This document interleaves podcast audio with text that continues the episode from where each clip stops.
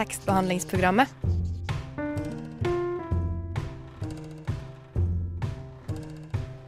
Tekstbehandling på radio.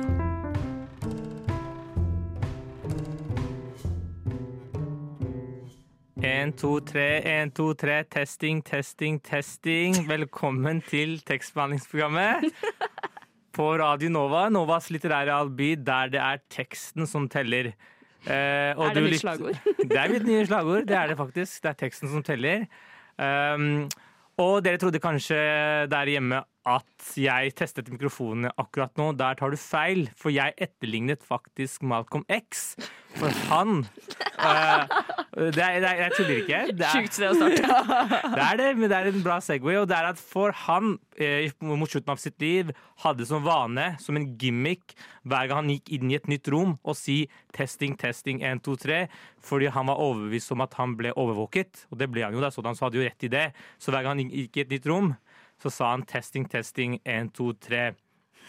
Og sånne fun, fun facts og sånne gullkorn får du bare når du leser, nærleser selvbiografier til folk. Noe jeg har gjort, og noe jeg skal snakke om i dag. For jeg har lest selvbiografien til ingen ringere enn Malcolm X. Men jeg er ikke alene med å gjøre det.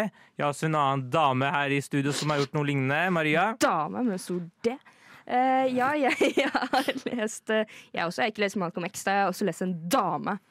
Lest om en dame, og dama tar jeg heter Angela Davis. Riktig, riktig. Og du, Karen, du skal være vårt glade alibi. Det uvitende alibi. Jeg skulle egentlig lese Angela Davis, men så ble det jo litt sånn masse som skjedde, og jeg hadde ikke tid. Det Livet tok er- over. Livet tok over. Fant plutselig ut av at jeg hadde sykt mye på vent som jeg måtte lese. Mm. Nei, det er null stress. Da får du være på lag med lytteren og stille de gode spørsmålene til meg og Maria om bøkene vi har lest. For ja, i dag er det da tredje utgave av min lille bokklubb, hvor vi leser selvbiografier eh, skrevet av folk nær makt. Og, eh, og vi skal da ta for oss de to, en, to store ikoner i verdenshistorien. Og da snakker vi ikon med ikke bare stor I, men IKON. Uh, det er Malcolm X og Angela Davis. Men før vi går i gang med det, før vi går i gang med det skal jeg bli litt, litt, litt bedre kjent med dere to i studio. Det har liksom vært som en sånn derre Du hører på tekstmaskinen. Marie Aubert og jeg sitter her, og du er sånn eh, Marie Bær!» Marie Aubert på besøk. Jeg og Eline. Marie og Bær. Hei, jeg heter Marie Aubert, og jeg elsker tekstbehandlingsprogram. Der, velkommen tilbake, kjære lytter, til tekstbehandlingsprogrammet på Radio Nova, som du hørte der. Vi skal nesten snart i gang med å dypdykke inn i selvbiografiene til Malcolm X og Angela Davis, men før det, før det så har jeg lyst til å spørre de i studio hvordan de har det. Vi går jo dypdykker i disse folka med makt og de, i, i de som sitter på høye, høye stoler. Men Ja. hva med de i denne studio? Karen, hvordan går det med deg? Det går fint. Um, um, jeg vet ikke hva jeg skal si. Leste Klassekampen på T-banen. Rad. Oi, du har blitt, Eh. du har blitt uh, raddis. Jeg har blitt raddis. Ja, men Så bra, Karl. det. Dette har vært en reise for deg. Det har vært en lang reise. Velkommen. Og jeg har endelig nådd topp, tror jeg. Eh, eller det er jo selvfølgelig en evig lang sti, så jeg skal jo ikke Det blir gøy å se om ett år, når du, når du virkelig har nådd toppen, eller avgrunnen, da, som det heter. Ja, Eh, og så ler, ler du av det du sier nå Ja. på radio. Så er jeg sånn taxijente, og som leste Klassekampen. Nå går jeg på konservativ pils. på Chateau Neuf på torsdag! Konservativ pils på skjøtten. Hva med deg, Marie, bak med sta spakene? Bak med spakene, det er meg Marie. Tydeligvis er det noe det jeg har fått. Det går bra med meg, Tayeb. Eh, jeg prøver å bli flinkere på å lese. Deltar i, Den tror jeg du også deltar i. Re- Leseutfordringen på Deichman. Ja. Eh, verden rundt på tolv bøker. Jeg har lest, eh, lest meg en bok fra en grønlandsk forfatter. Wow. Som jeg nå har glemt navnet på, fordi det var eh, et Vanskelig. grønlandsk navn. Eh, der er jeg sterk, da, så takk for meg. Eh, Homo sapienne heter den boka. Eh, Corne- Spennende. Fornavnet til forfatteren husker jeg ikke. Kvinneforfatter Corneliussen er etternavnet. Veldig, Wow. veldig nice bok. Veldig lett å lese. En very homosexual book. Yes! Hva med Elsker, elsker en homobok. Elsker en homobok. er ja. Tajeb. Jeg har også deltatt i den uh, challengen fra Deichmanske, men jeg, jeg, har, jeg har falt av allerede. Ja. Ah, jeg er veldig ambisiøs, men med null eh, gjennomslagsvilje. Men sånn går det. Og nå har jeg innsett at også jeg må kanskje fokusere på pensum. Det er det jeg først og fremst gjør. Jeg er jo først og fremst ekte. student. Um, det er ekte. Det er veldig ekte. Vi er først og fremst lesere. Ja, jeg er først og fremst lesere. Og så tror jeg liksom at jeg har lest så sykt mange bøker, og så kommer jeg inn og så ser jeg på pensum og sier sånn Å ja. Jeg har begynt på alle disse bøkene. Ja, du blir ikke ferdig, nei. Les noen av de. Nei, Hva er det du påtvinger deg å lese nå, da? Eh, jeg vil bli ferdig med Madame Aubert, men har Ja. en oppgave nå om Faust. Den har jeg ikke lest. Oi. Du har en oppgave om Faust, ja. Ja. Eller jeg, jeg har begynt å lese den, og vi har snakket om den lenge. Jeg har ikke, ikke kommet gjennom den, liksom. Nei, men eh, er det del én eller del to? Del én. Det er del én, ja. Ja. ja. det vet du hva. Faust. Jeg skjønner Ta deg en bolle. Bare at dere vet at det er to ta deg en deler. bolle. For real. Så Ja. vi trenger ikke snakke om metafysikk og sånne ting nå, liksom. Nei, Nei, fuck Faust. Uh, men noe annet vi ikke skal fucke, med, det er eh, selvbiografier. For det er jo det egentlig det overordnede temaet i denne bokklubben, selv om vi uh, spisser det litt. Og denne sjangeren er jo en sjanger som aldri slutter å gi.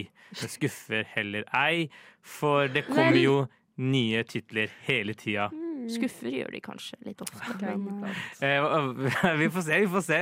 Jeg har samlet en liten eh, liste av nye eh, selvbiografier som var ute nå i de siste årene, da. Så alle er ikke like nye. oi, du har boklanseringsliste? Ja, ja, nå har jeg lista. Nå har disse kommet ut, da. Så nå er det bare å velge og vrake. Og jeg har lyst til å gi dere Gjerne gi meg en yay eller nei. For som jeg har sagt, det er, det er noe med det er noe jeg elsker med selvbiografier, er at det er folk du aldri spurte skulle skrive selvbiografi, kommer og gir deg den i hånda. Så vår egen kronprins, eh, kronprins kom med en bok i fjor i et forsøk på å virkelig gjøre seg folkelig før faren stryker med. Håkon. Oi. Ta hjem! Ta hjem!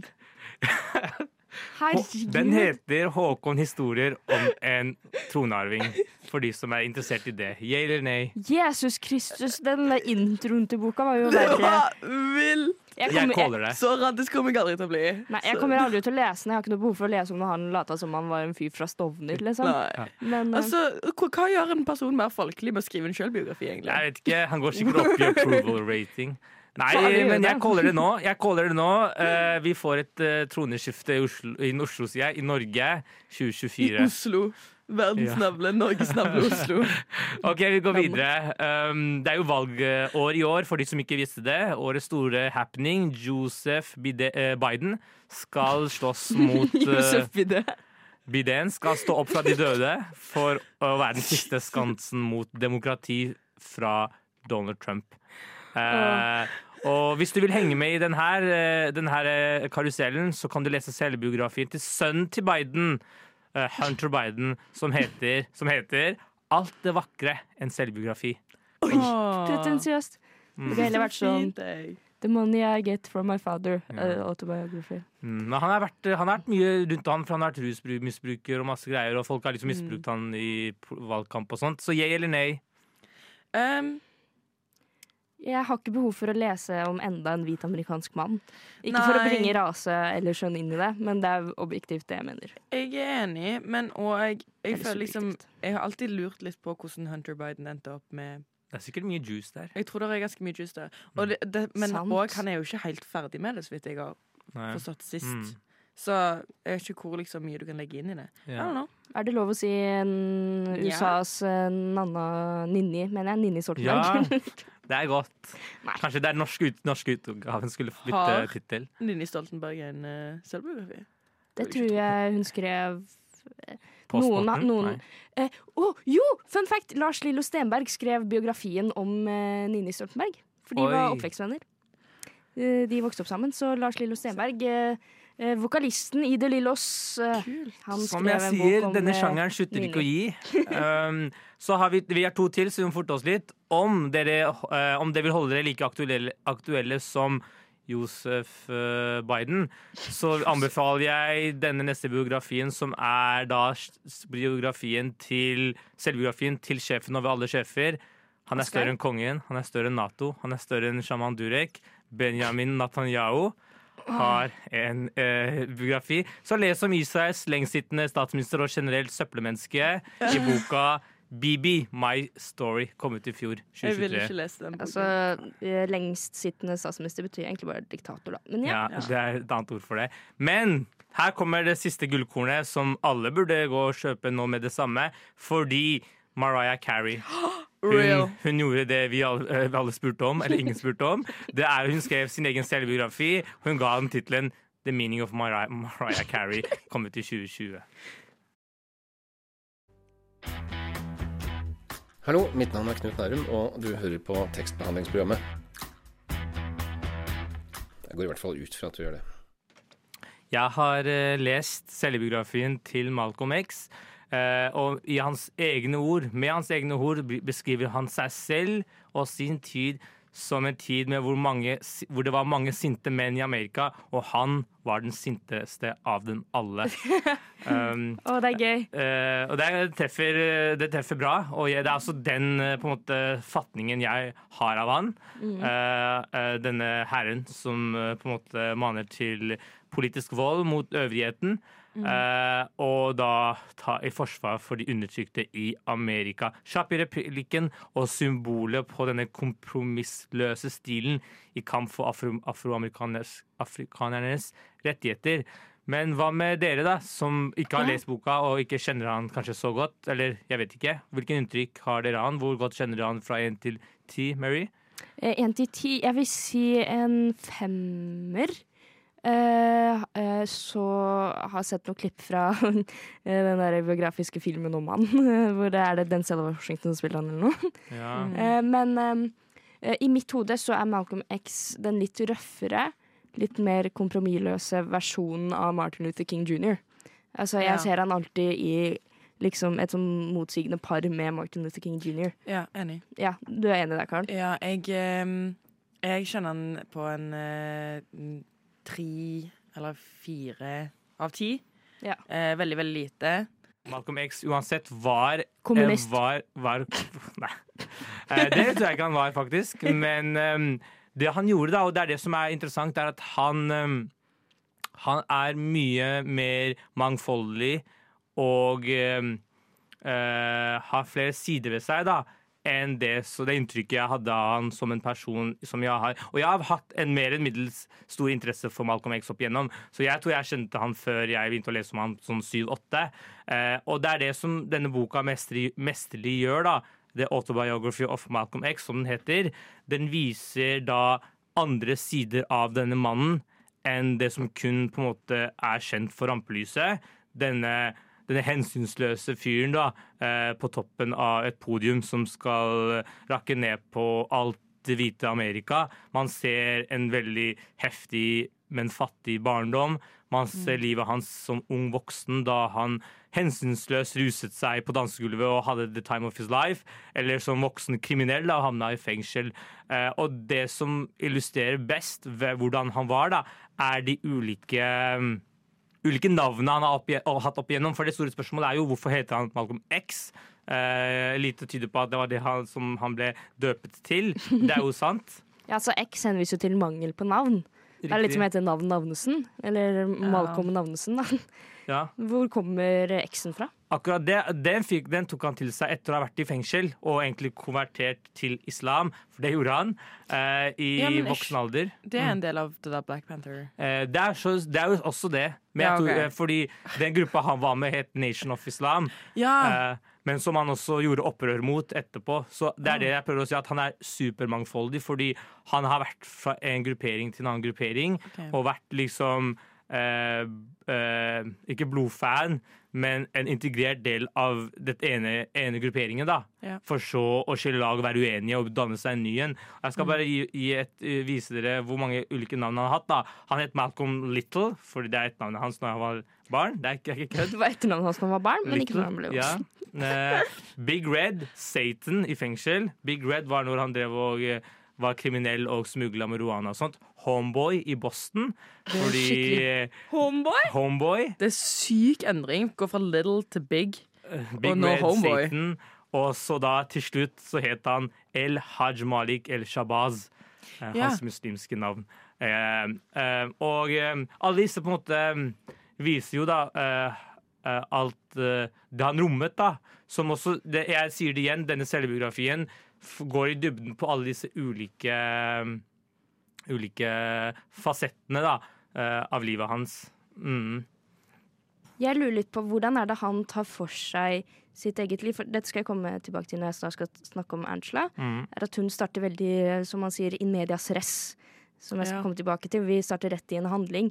Eh, hvordan er det Malcolm legger fram livet sitt i denne boka? Starter vi kronologisk? Fra Det start til slutt? Det er fra Eh, A til Å, Det er fra A til Å. Og det er det som det er det som er så trist. eh, Og det er, jeg har lyst til å mest fokusere på liksom tidlig av livet hans, fordi de fleste vet om hans senere liv, for det er det som er på det kjent i rampelyset. Ja. Eh, mens det er helt sinnssykt hvor fattige kår de levde, jo, de levde jo under depresjonen. Det er noe man egentlig jeg glemmer litt, fordi disse store på måte, folka på 60- og 70-tallet hadde jo sin oppvekst på 30-tallet. Ja, Mm. De og, de, og te, hvis du trodde vanlige folk hadde det dårlig, tenk afroamerikanere under depresjon hadde det enda verre.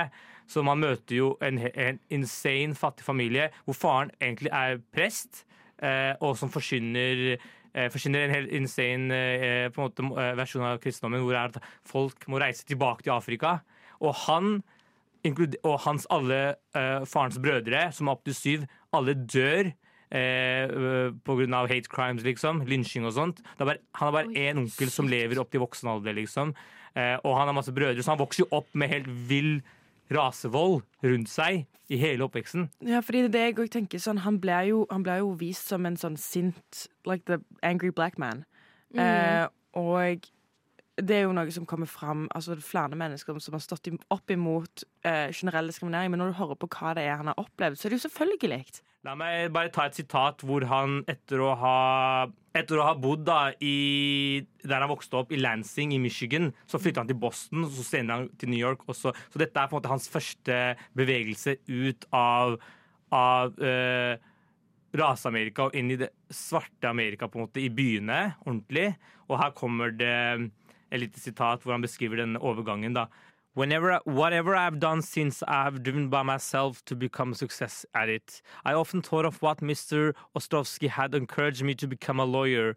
I would have today become among the city's professional black bourgeoisie, sipping cocktails and palming myself off to a community spokesman for and leader of the suffering black masses while my primary concern would be to grab a few crumbs off the groaning board of the two-faced whites with whom they begging to integrate. All praise due to Allah that I went to Boston when I did. If I hadn't, I probably would still be a brainwashed black Christian. Siri, Jeg er din assistent. ja. hører du på tekstbehandlingsprogrammet? Selvsagt. Gjør som Siri. Hør på tekstbehandlingsprogrammet.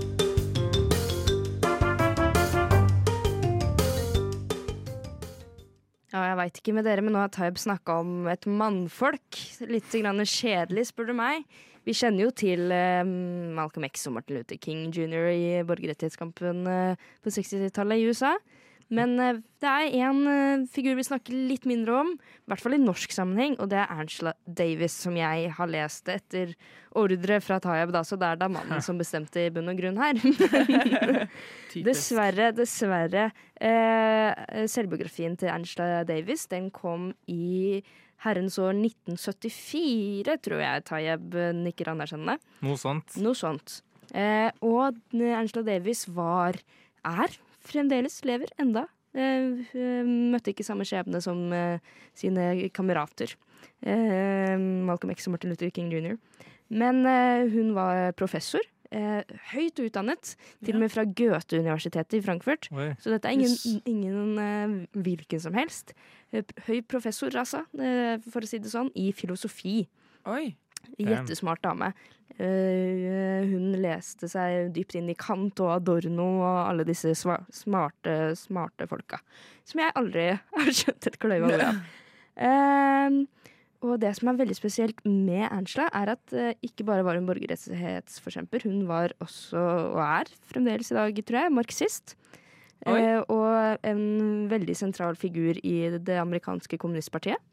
Eh, stilte som visepresident eh, et par ganger også på 70-tallet, som eh, kommunistpartiet sin representant. Så utrolig imponerende. Veldig imponerende. Dette er A Woman Who Does Everything. Ja. Truly. Og denne selvbiografien hennes, som jeg nå har lest litt av, den starter i eh, 1970. Og Den starter med eh, rett inn i en handling, som jeg sa litt i stad, in medias res, hvor eh, Angela blir eh, eh, Hun må flykte og gjemme seg. Hun må, hun, altså, hun må skifte klær hele tiden, hun må ta på seg parykker. Fordi hun var marxist? det kommer jeg tilbake til. Hun må liksom bo hos folk. Hun, hun stoler ikke på noen. Hun må gjemme seg, bo på hemmelige adresser, for FBI er etter henne. Oh, ja, så det var ikke sånn testing, testing, one, two, three? Dette er ikke var- testing, testing, one, two, three. Angela, så får vi da vite etter hvert, er anklagd for eh, tre eh, handlinger. Det er da Skal vi se, hvilke tre var det? Hva var for kid, eh, medvirkning i mord, kidnapping og en tredje handling som jeg ikke husker. Så hun er Altså Badass, hun kaller er- jeg det. Ja, hun er highly Altså, det ligger Rundt om i USA så finner man på dette tidspunktet sånne eh, eh, Wanted. wanted posters av Angela Davis. Og, og hvordan hun kan ha forkledd seg og masse sånt. Hun er høyt oppe på FBI sin liste. De skal fucke hun liksom. De skal ta av. Hva, hva mord, hva kidnapping? Hva, hæ? Nei, altså det som viser seg, som jeg har undersøkt litt inn i, er at eh, hun har blitt anklaget for medvirkning i et drap på en dommer. Fordi et av eh, hennes våpen ble da brukt i dette mordet. Men hadde jo ikke noe med det å gjøre. Eh, men hun ble da anklaget for medvirkning, og kidnappingen skjønner jeg ikke. Jeg skjønner ikke hvor den kommer fra. Hun får masse anklager på seg, og er fengslet etter hvert da. Eh, hun blir til slutt fakka av eh, FBI. Og er da i fengsel i over ett år. Ja, for det, uten å få ordentlig rettssak. det er jo det, og jeg kommer aldri til å glemme det der. Em, i, det er skikkelig teit å ta opp, men jeg tar Kjør opp uansett. I Fresh Prince så em, Nei, men helt seriøst, i Fresh Prince så blir eh, Så blir em, eh, han der eh, søskenbarnet Ja. ikke, ikke Will Smith, men søskenbarnet blir tatt til fengsel. Ja. Mm. Fordi han hadde kjørt eh, faren sin bil. Em, og siden han var svart, så ble han tatt i fengsel med en gang. Og så var det en hvit fyr der, og så sa, var de sånn Oh, be careful with that guy, because he's here for a reason. Um, Shit. fordi hvis du kommer liksom til liksom, i fengsel og som uh, afroamerikaner, så er, du, er det ikke nødvendigvis fordi at du har gjort noe. Men du blir bare skikkelig Og spesielt hvis du da har blitt anklaget for å ta en dommer. Ja. Da, da, er det, da er det ferdig. Ja. Og jeg så det, fordi jeg har jo òg vokst opp deler i USA. Mhm. Og det er vilt. Du kan se det med dine egne øyne. Mm. At eh, eh, politibiler kjører deg dypt opp i rumpa for at du skal speede opp, spesielt hvis du ikke er hvit.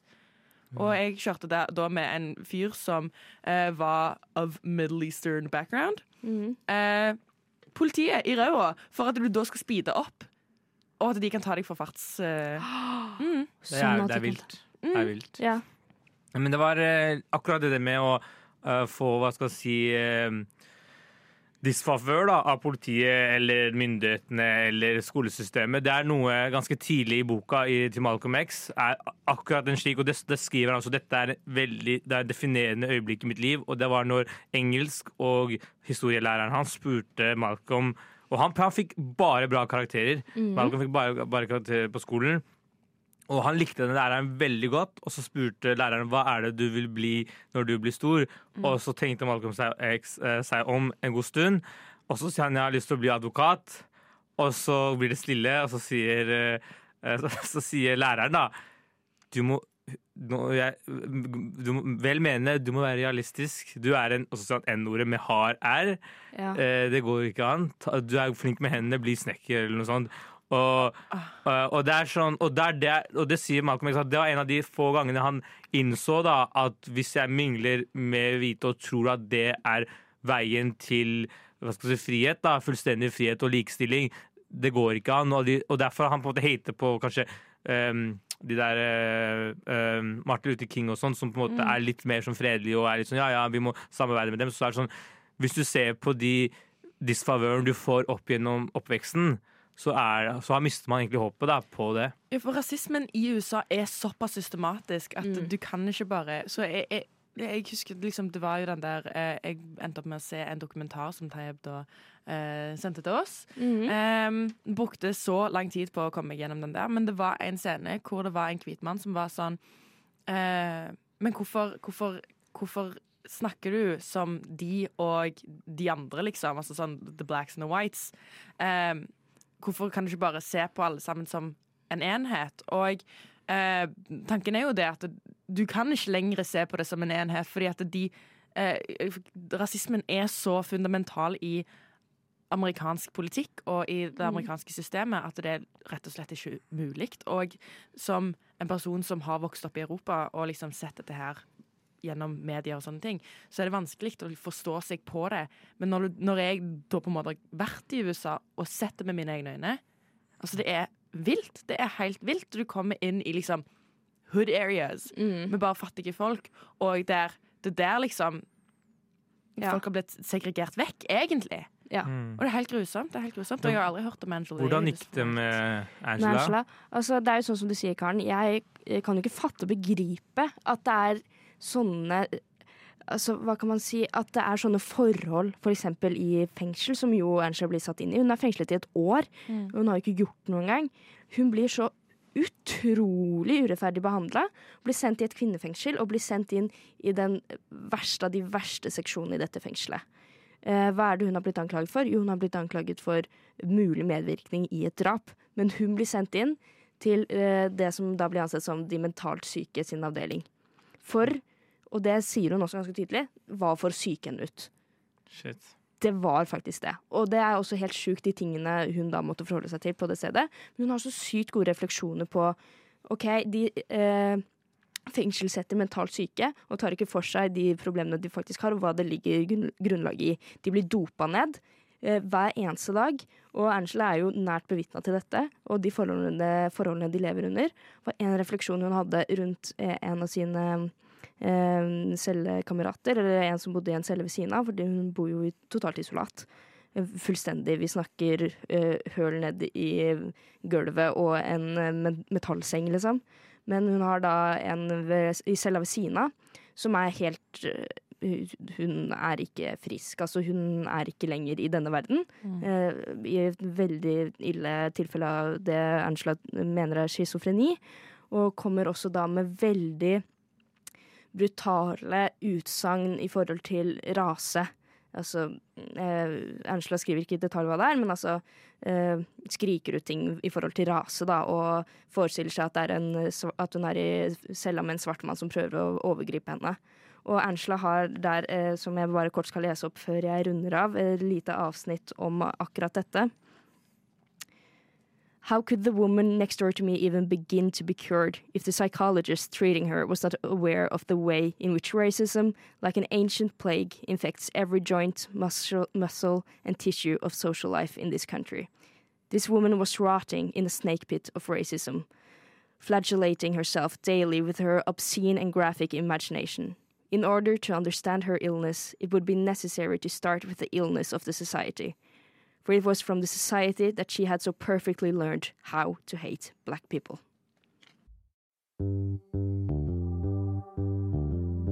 Siri? Jeg er din Ja. assistent. Hører du på tekstbehandlingsprogrammet? Selvsagt. Gjør som Siri. Hør på tekstbehandlingsprogrammet.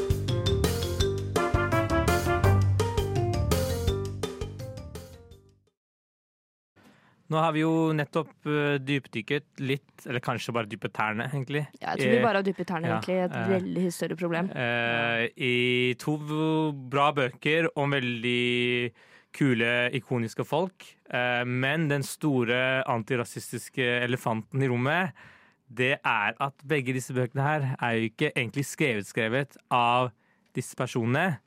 For din eh, bok, eh, Maria, Ja. om Angela Davis, hvem har skrevet den?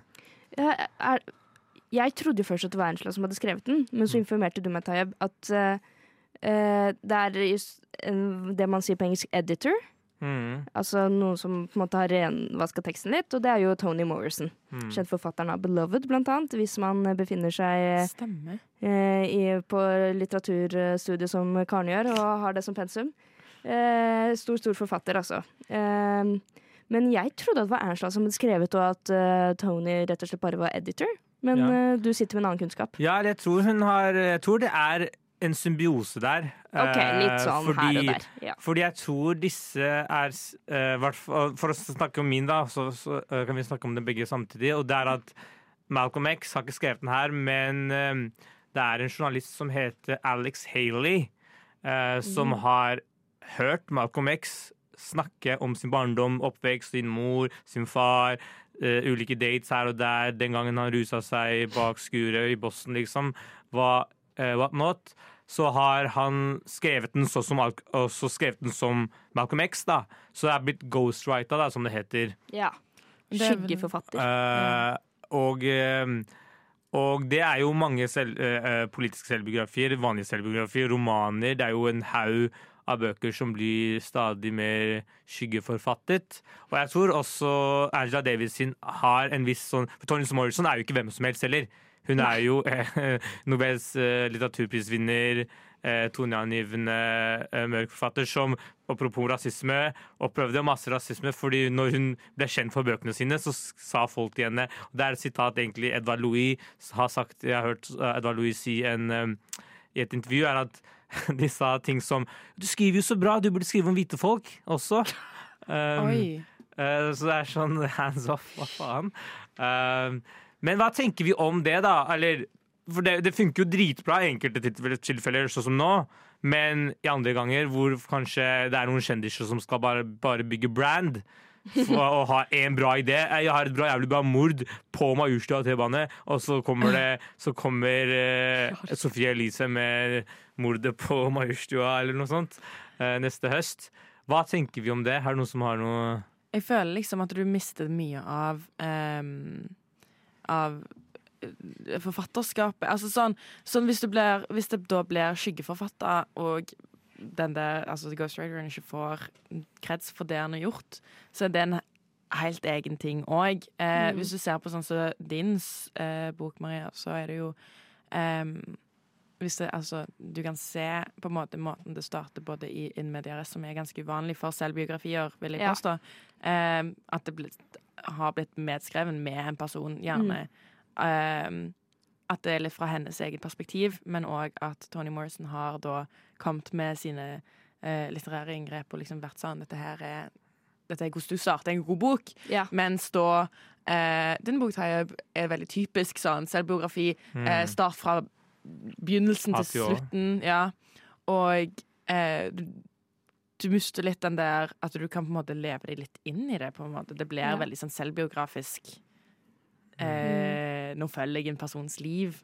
Og dette Ja. her er ikke noe jeg kan leve meg inn i på noen helst måte. Men jeg syns det også kan være litt fint at uh, en som har litterær erfaring, kan på en måte, sånn som Tony jeg tror da har gjort her for Angela, og komme med tips og råd og tilbakemeldinger på hvordan skal du formidle din historie best til en person som kanskje ikke har så mye erfaring med det. Eh, Det skrevne ordet er jo ikke et talent alle har, Nei. men alle har jo rett til å fortelle sin historie, så at man kan få litt hjelp, da. Ja, jeg er enig, men det er liksom litt det òg at du eh, Jeg bare mistenker at du, du mister litt historien når du ikke har levd det sjøl. Så det er derfor jeg tenker at Tony Morrison gjerne har gjort det som du sier, at, eh, at, den, at, han, at du har kommet inn med litt sånn Bare litt ord, og liksom Mm. vært sånn dette her er hva du kan hjelpe med, og eh, ikke egentlig skrevet det fra bunnen av. Men jeg vet ikke. Fuck yeah, bro! Jeg hører på tekstbehandlingsprogrammet. Radio Nova. 1, 2, 3, 1, 2, 3, testing. Testing, testing, 1, 2, 3, blir vi overvåka? Ja, det gjør vi. Test, vi vet du er. Dere er her. Du er her. Lytter. Nei, lytteren. Lytteren er her alltid. Og, eh, men det jeg vil si, den, det, det greiene med 1, 2, 3, 1, 2, 3 testing er jo ganske gøy observasjon å ha med i en bok som en selvbiografi. Og det er et gullkorn, og det er litt av Litt av moroa, da. Litt av, litt av moroa å lese selvbiografi er å snuble over slike, slike detaljer. Eh, og eh, Derfor vil jeg spørre deg, Maria, har du noen sånn dirty details eller noen romanser som Angela Davis det med, eller noe uvanlig hun har, som du ble informert om når du Eh, leste boka? Ja, så langt eh, det stykket jeg har kommet. Jeg skal lese ferdig boka selv etter denne sendinga, det lover jeg deg, Tayeb. Eh, men når hun blir arrestert eh, og får sitt første måltid, så får hun da mat, eh, skip cornflakes og skip eh, hvitt eh, størkna brød. Eh, og så får hun kaffe som er ferdig eh, ferdiglaga med melk i. Altså det, er, det, det har blitt lagt inn melk i kaffen. Uh, rett og slett på kanne, som jeg syns er et helt absurd uh, opplegg. Det er snålt. Det er kjemperart, og hun sier eh, Hey, could I just get a cup of black coffee? I don't Og så informerer hun om Hun drikker ikke melk i kaffen, som jeg bare syns er sånn helt absurd. Du sitter der i fengsel, og du sitter på gulvet og skal spise den kjipe cornflakesen din. Er sånn Uh, Yeah, uh, could I please just have a black coffee? det er sånn Jeg vil ikke ha en latte. Jeg vil ikke ha en latte! Av det amerikanske fengselssystemet. Ellers Nei, det er, det er dritbra. Det er dritbra. Uh, en av de, de, ja, det var mange artige detaljer i den selvbiografien her, og jeg anbefaler alle å lese den, for den er kjempemorsom. Eh, men det, de to tingene som jeg stusset over, er stusset over, og de begge handler om hår, og det første er at Malcolm X var ginger. Hæ?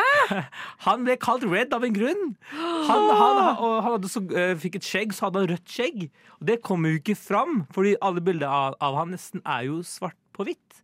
Eh, fordi moren hans er fra Barbados. Nei, ikke Barbados, fra en annen West Indies. Eh, St. Kitts, kanskje? Og, eh, og hun er nesten hvit. Så han er egentlig lysere enn alle søsknene. Så han er egentlig ganske lys være af å, Det er noe han som tenker over. da Eh, Og han hater den delen av Han skriver om det òg, da. Det hvite ved seg. Fordi bestefaren hans på mors side Tydelig han voldtok noen, da, Ja. og mm. slik kom moren hans til verden. Eh, og det er ganske sykt syk sykt å tenke på. Og moren hans fikk faktisk jobb ofte, for de trodde hun var hvit. Og så oppdaget Ja. når barna kom på besøk Du har sparken. Eh, det er ganske sjukt. M- eh, Men ja. Ikke bare skal man være afroamerikaner, sier man må attpåtil være ginger òg. Det er jo to minoriteter. Det er skitt. Det er, det er ikke rart han var sinna. Um, Mange måter å bli undertrykt på. Men Ja. en, en annen ting jeg har snubla over, det er faktisk begrepet konk. C-o-n-k. Det er, det er noe Concare, hvis du googler det. For det er noe jeg nettopp har snubla over. Og det er at det er noe afroamerikanere pleide å blande inn i håret sitt. Som var noen kjemikalier som de pleide å lage av De kjøpte poteter, litt vaselin, bla, bla, og blanda det inn i håret for å kjemisk rette håret sitt. Og det gjorde helt forferdelig vondt. Men disse afroamerikanerne ville så gjerne ha lett Ikke ha afro, da, basically. Eh, I sin egen samtid. Og det gikk Det var eh, frisører som gjorde det. Og første gangen Malcolm X gjorde det her, har jeg lyst til å lese. Fordi ha, hans beskrivelse er, ganske fint, og også helt forferdelig. For når jeg leser det, så er det sånn Denne lille kiden som bare vil ha hva skal jeg si, lokker, da, sånn som en, en annen hvit mann, eh, må gjøre det her med håret sitt for å ødelegge det, for at det skal rette seg opp. This was my this was my first really big step into self-degradation. I, uh, when I endured all that pain, literally burning my flesh with lye in order to cook my natural hair until it was limp to have uh, to have it look like a white man's hair. I had joined that magnitude of Negro men and women in America who are brainwashed into believing that black people are inferior and white people are superior, and that they will even violate and mutilate their God-created bodies to try to look pretty by white standards. I don't know which kind of self-defecating conk i- is, is the greatest shame. The one you will see on the heads of black middle class and upper class who ought to know better, or the ones you will see on the heads of the poorest, most downgraded, ignorant black men. I mean the legal minimum wage, get to dwelling kind of Negro that as I was when I got my first one. You have bewitched me, body and soul, and I love, and love, and. Tekstbehandlingsprogrammet på Radio Nova.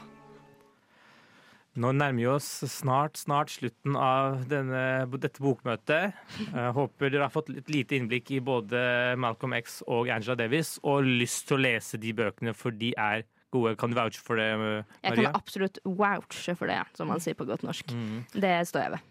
Men bokklubben går jo sin gang, og eh, hvis du der hjemme, du kjære lytter eller PST, har lyst til å anbefale en eh, bok, en selvbiografi av en eh, person som har vandra i maktens korridorer, så er det bare å sende en liten DM på oss på Instagram. Men jeg har jo som diktator kjent valgt de to neste bøkene. Selvfølgelig. Um, denne gangen skal jeg eh, Og jeg har lyst til at dere to skal gjette, selvfølgelig. Okay, ja. Det er gøy. Det er gøy. Um, og eh, um, det blir 20 spørsmål. Jeg kan gi dere tips, for dere trenger ikke gjette person, for jeg tror ikke dere klarer å gjette personen. Men jeg, dere kan gjette landene, fordi det er to damer, statsledere begge to. okay. Hadde to perioder eh, i sin eh, regjeringsperiode. Begge skutt og drept. Eh, ikke samtidig, men de endte sine politiske karrierer eh, ved by the gun, som det hetes. Så du kan gjette hvilke to land dette er. Og gi meg ja- og nei-spørsmål, da, så kan, jeg, så kan dere snevre det inn. Myanmar? Eh, nei. Eh, er det Middle East? Eh, nei. Af Afrika? Ish. Land i Afrika? Eh, nei. Ikke Asia? Nei. Ik- eh, Asia, riktig. Brunei? Eh, nei.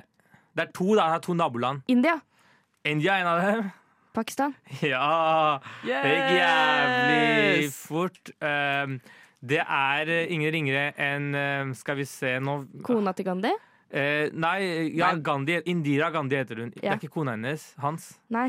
Indira Gandhi. Fordi hun heter Gandhi, men det er ikke riktig Gandhi. He hate på meg for å min ja, minimere en kvinne til det. Sorry. Uh, Ta meg. eh, det går fint. skjerpings. Ja, Fordi beklager. Men er, i, India er det Gandhi. Indira Gandhi. Hun var Indias første kvinnelige statsminister, er, heter det der sikkert. Um, pra, eh, og, men det som er litt sykt, er hun er også Indias eneste diktator. Fordi hun innførte in, in, unntakstilstand. Hun um, uh, stoppa pressen. Uh, og var på vei til å bli full on dictator. Men jeg vet ikke hvorfor. Hun ga slipp på eh, hun, hun ga seg, da, på en måte, og ikke tok makten videre. Og så stelte hun valg på nytt, ble valgt på nytt, demokratisk. However, så gjorde hun noe som hun kommer til å angre, sikkert. Det er at hun beordra Hun er eh, hindu, da, I assume. Hun beordra soldater om å storme sik sikhenes helligdom. Og da var det en av hennes bodyguards som valgte å skyte henne. Eh, det er sånn hun døde. Eh, Indira! Gandhi. Ja. Det er, det er helt vilt. Og hun kom med den biografien på 80-tallet, og hun døde i 82 eller noe sånt. Uh, det, det er helt vilt, og dette er, folk, dette er folk vi ikke aner, ikke sant? Og dette skjedde. Og hennes partner da, er da Daughter of Destiny, Benzir Bhutto, som var Pakistans første kvinnelige president på to, i to perioder i 90-tallet. S- øh, kan- Jeg tror det også var i 2000-tallet, hvor hun ble skutt i 2007 mens hun var, var i en rally. Um, det som er også litt sykt og ganske likt med begge, hos begge disse kandidatene, da, selv om de er kvinner, er de også dattere av to store dynastier. Benzir Bhutto er datteren til en tidligere president, og sønnen hennes er nå presidentkandidat i Pakistan. Så også Indira Gandhi er jo dattera til både Gandhi-slekta og eh, Nehru-slekta, som var den første statsministeren av India. Så de, de er ikke bare hva skal jeg si, solo eh, women, de er også eh, høvdinger da, De innenfor royalty. sine, de er royalty i sine respektive land. blod. Og begge ja, møtte døden, eh, døden. Så er det noe av det som er, som er med på min reise innafor den, så er det bare å si ifra. Tripp, trapp, tripp, trapp. Hvem er det som tramper på min bru? Det er bare tekstbehandlingsprogrammet. Og der har vi nådd slutten av dagens sending. Det har blitt sent på onsdag. Det er allerede klokka 11. Og takk for at du, kjære lytter, har orket å høre på oss bable i vei om Malcolm X, om Aja Davis, om Benzir Bhutto og Indira Gandhi, som vi håper du er med på dans neste uke. Takk for møtet. Ja, Takk takk. for bokklubbmøtet. Takk for, takk for å komme. Men Du har jo kanskje hørt på dette her live eh, på Radio Nova denne onsdagen fra 10 til 11. Men hvis du ikke har mulighet til det, hvor ellers kan man da hørt det, Karen? Nei, kan du høre på Spotify, Soundcloud Litt av Mm. egentlig. Hva enn du liker å høre podkast på. Der finner du oss, og du finner vel oss også litt på forskjellige sosiale medier, Tayeb. På Grammeren, som jeg kaller det. På Grammeren? Instagrammeren. Hva- hva er navnet vårt? Vi heter Tekstbehandlingsprogrammet. Der kommer det mye info om hva som skjer og sånt, og når eh, episoder er ute for å streames. Vi ses! Vi ses. Ha det!